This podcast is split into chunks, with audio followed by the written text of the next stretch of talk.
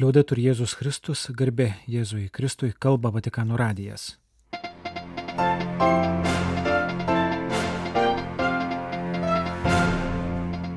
Malonus klausytujai šioje programoje. Katechezė apie apaštalinį uolumą. Šventasis Karolis de Foucault.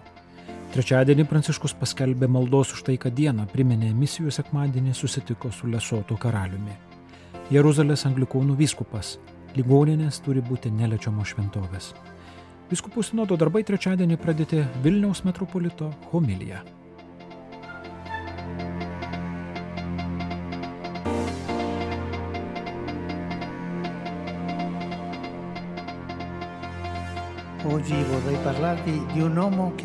Gesù. Šiandien norėčiau su jumis pasikalbėti apie žmogų, kurio gyvenimo aistra buvo Jėzus ir vargingiausi broliai bei seserys. Spalio 18 dienos bendrojoje audiencijoje sakė popiežius Pranciškus, tęsdamas katechezių ciklą apie apaštalinį olumą ir pristatydamas šventųjį karulį de Foucault, jo dvasinę Dievo patirtį padariusią jį visų brolių. Kokia buvo jo gyvenimo paslaptis?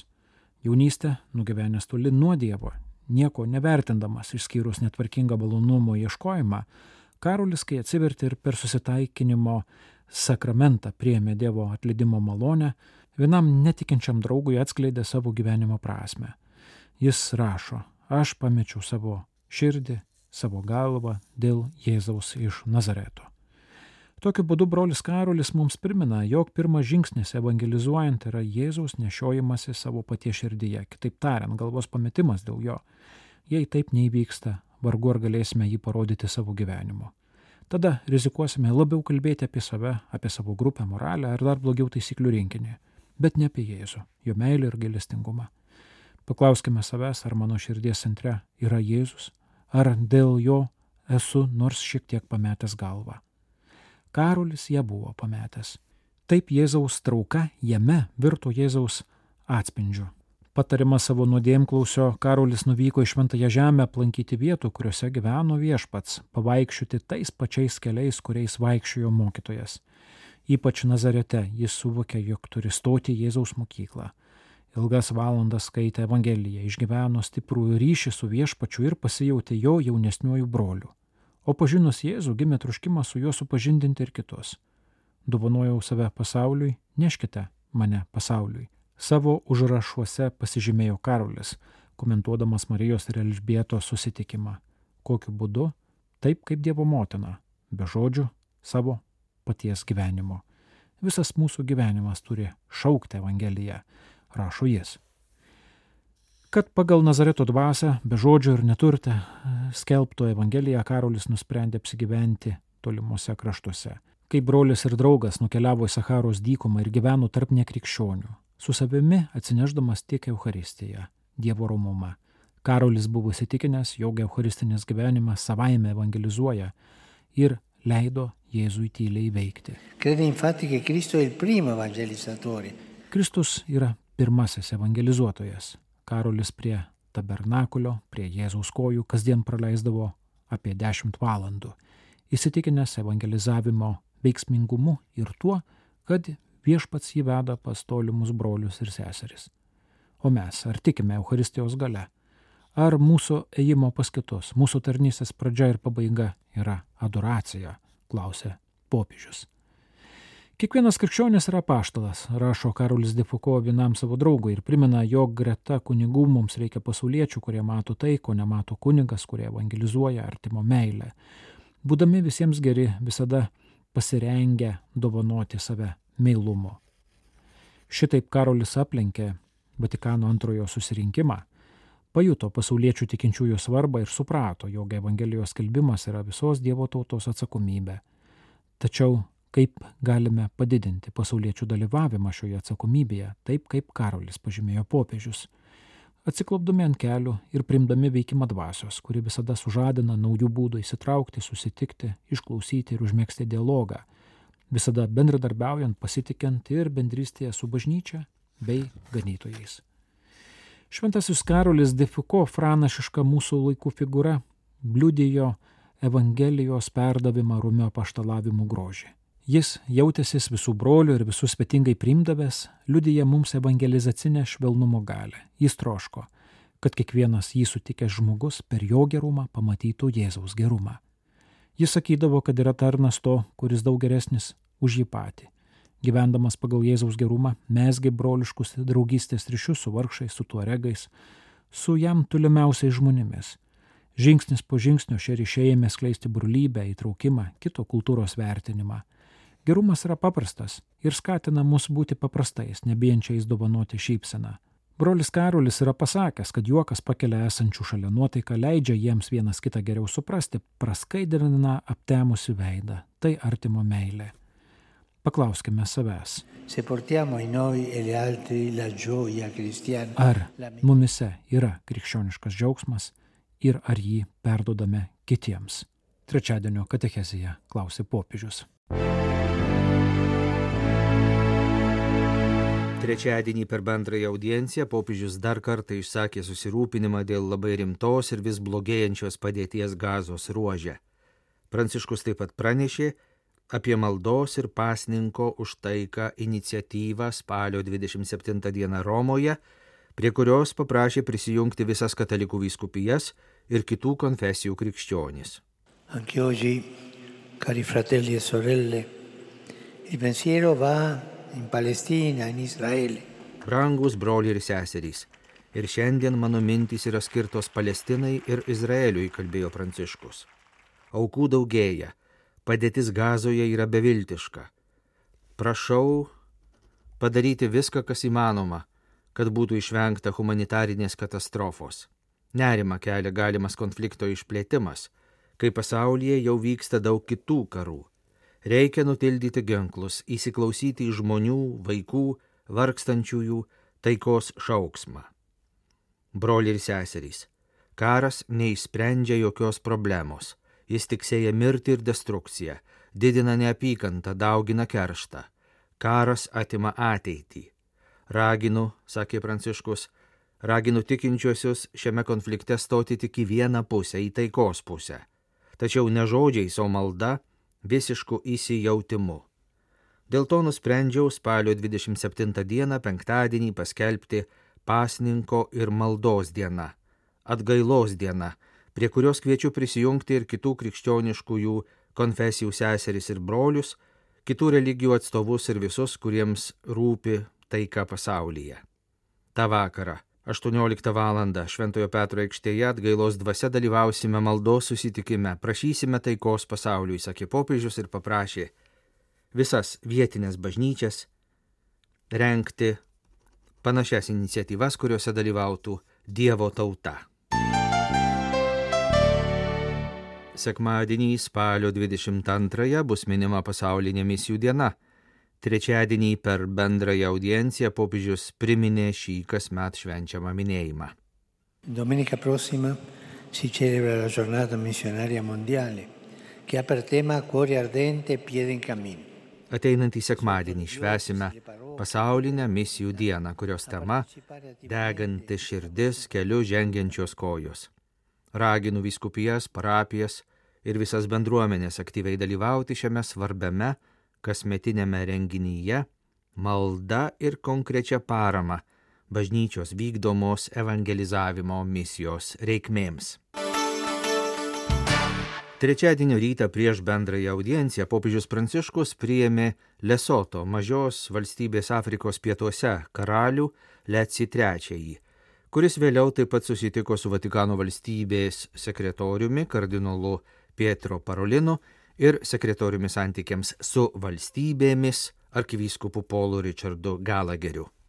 Šventojo sostos spaudos salės komunikatas informuoja, kad per susitikimus buvo apžvelgti geri Šventojo sosto ir Lesoto karalystės santykiai, atkreipiant dėmesį į didelį vietinės bažnyčios indėlį. Aptarti ir tarptautiniai klausimai, ypač konfliktai Ukrainoje ir Šventojoje žemėje, taip pat užsiminta apie padėtį Pietų Afrikos regione. Trečiadienį spalio 18-ąją Vyskupų sinodo darbo diena prasidėjo mišiomis Šventojo Petro bazilikoje prie sosto altoriaus, kurioms vadovavo Europos vyskupų konferencijų tarybos pirmininkas ir Vilniaus arkivyskupas Gintaras Grušas. Šią dieną spalio 18-ąją liturginis kalendorius minėjo evangelistą Šventai Luką. Homilijoje arkivyskupas Grušas sakė, kad evangelisto Luko gyvenimas ir darbai byloja apie jo sinodišką mąstyseną. Jis taip pat dažnai pabrėžia svarbų moterų vaidmenį bažnyčios gyvenime ir skelbiant gerąją naujieną. Jis kalba ne tik apie švenčiausią mergelę Mariją, bet ir apie Samarietę prie šulinio, Mariją Magdalietę, taip pat kitas moteris apaštalų laikais padėjusias aukti bažnyčiai. Lukas taip pat geriausiai atskleidžia dieviškojo gailestingumo begalybę, pasakodamas apie Dievą, kuris visada žengia pirmą žingsnį nusidėjėlio link, kaip liudija palyginimai apie sūnų palaidūną, gailestingumą, parodytą Naino našliai, švelnumą ir atleidimą Jėzui lankantis fariziejus namuose, artimo meilę palyginime apie gerąjį samarietį. Mums paliktuose tekstuose tiek Evangelijoje, tiek apaštalų darbuose Lukas aiškiai parodo, kad šventoji dvasia yra pagrindinė bažnyčios gyvenimo ir augimo veikėja. Būtent tai pabrėžiama ir dabartinėme sinodo procese. Pasak arkivyskupo Gintaro Grušo, jei Lukas šiandien rašytų apie sinodą, rastų daug temų, kurioms jis teikia pirmenybę ir kurios šiomis dienomis yra sinodo dėmesio centre.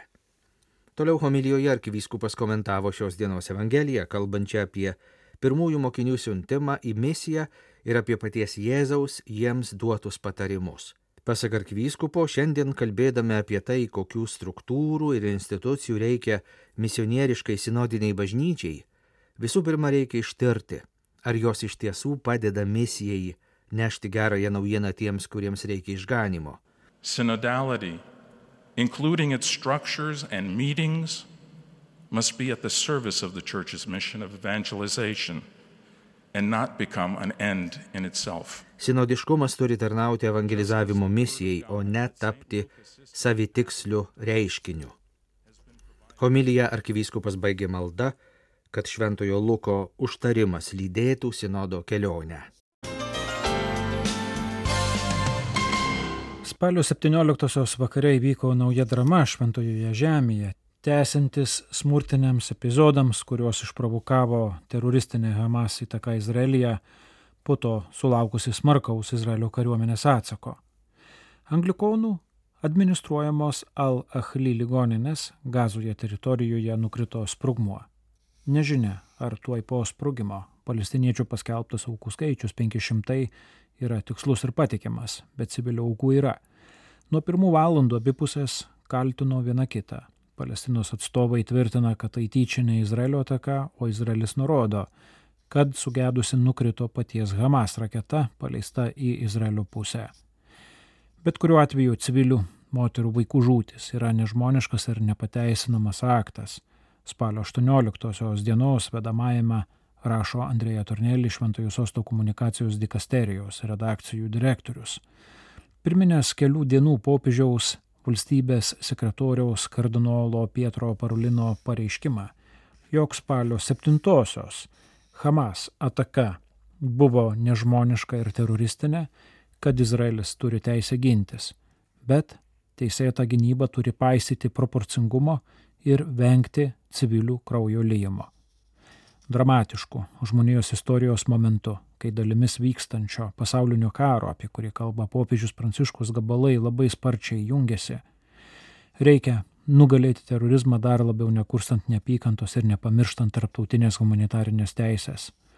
Laukdami, kol sužinosime daugiau apie nusikalstamą aktą, ligoninės, kurioje mediko personalas jau išeikvojęs priemonės ir su paskutiniųjų jėgų likučiais gydė ligonius ir sužeistuosius, bombardavimą turime kreiptis į tarptautinę bendruomenę, kad įsikištų ir užkirstų kelią humanitariniai katastrofai bei neįsivaizduojamo pasiekmių konflikto sprogimui, tvirtina Andrėja Turnėlį.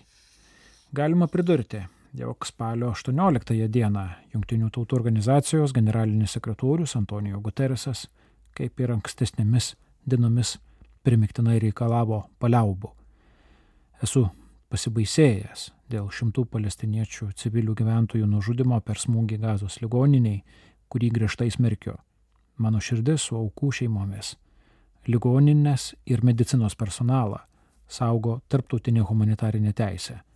Rašoma viename jungtinių tautų vadovo pareiškime X socialinėme tinkle, o kitame priduriama. Raginu nedelsiant skelbti humanitarinės paliaubas artimuosiuose rytuose, kad būtų palengvintos milžiniškos žmonių kančios. Per daug gyvybių ir viso regiono likimas pakibo ant plauko.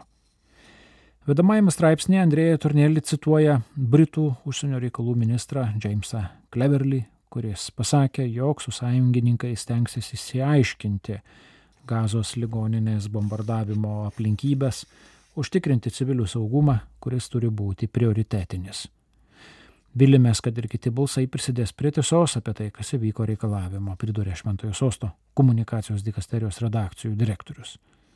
Teroristų žudinių Izraelio kibucuose nežmoniškumas ir nekaltų civilių gyventojų žudimo gazos ruožė nežmoniškumas niekada neturi priversti mūsų išleisti iš akių taikios ir teisingos ateities perspektyvos visame artimųjų rytų regione, pridūrė Andrėja Turnelį, priminęs kardinolo Pietro Parolino žodžius, jog, kaip ir anksčiau šventojo sostų požiūriu, tokią perspektyvą įgyvendintų dviejų valstybių išeitis. O dabartiniu metu Hamas laikomų įkaitų paleidimas bei humanitarinės teisės gerbimas. Al-Ahli arabų ligoninė Gazoje, kuri patyrė smūgį spalio 17-osios vakare, nuo 1982 metų yra administruojama Jeruzalės anglikonų viskupijos. Žiniasklaidos pranešimuose galima rasti ir baptistų ligoninės pavadinimą, kuris primena ankstesnį ligoninės gyvavimo etapą Nuo 1954 iki 1982 ją valdė baptistų sveikatos misija. Tačiau dar anksčiau, 1882 ją įsteigė ir daugiau nei pusę amžiaus administravo būtent anglikonai. Spalio 17 dienos vakare Jeruzalės anglikonų viskupija krišiausiais žodžiais pasmerkė smūgį ligoniniai kuris negali būti pavadintas kitaip nei nusikaltimu prie žmoniškumą. Pagal traptutinę teisę ligoninės turi būti neliečiamos šventovės. Traptutinė bendruomenė turi išsikišti, kad tokios nežmoniškos atakos nesikartotų. Anot Jeruzalės anglikonų viskupijos pranešimo, jie visose savo bendruomenėse, parapijose ir institucijose ketina paskelbti gedulo už aukas dieną. Bet spalio 18-osios popietės surinktoje spaudos konferencijoje kurioje dalyvavo įvairūs Jeruzalės bažnyčių ganytojai, įskaitant Jeruzalės lutynų apieigų katalikų patriarchą Pier Batista Pizzaballa, anglikonų vyskupas Hosamas Naumas patikslino, jo gedulas tęsis tris dienas. Jis taip pat negalėjo nurodyti tikslaus aukų skaičius, pat patvirtino, kad jų būta daug. Ligoninės teritorijoje pasikliaudami jos neliečiamiamu slėpėsi daug šeimų. Anglikonų vyskupas nesėmė vertinti ir to, kuri pusė ir kokiamis aplinkybėmis sudavė smūgį ligoniniai. Pasak jo, jis nėra karinis ekspertas, tik kartoja, jog ligoninės turi būti neliečiamos vietos, o jų bombardavimas yra nusikaltimas.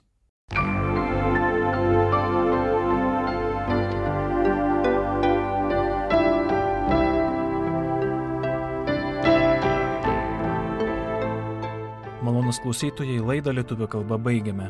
Kalba Vatikano radijas. Garbė Jėzui Kristui, liaudai turi Jėzus Kristus.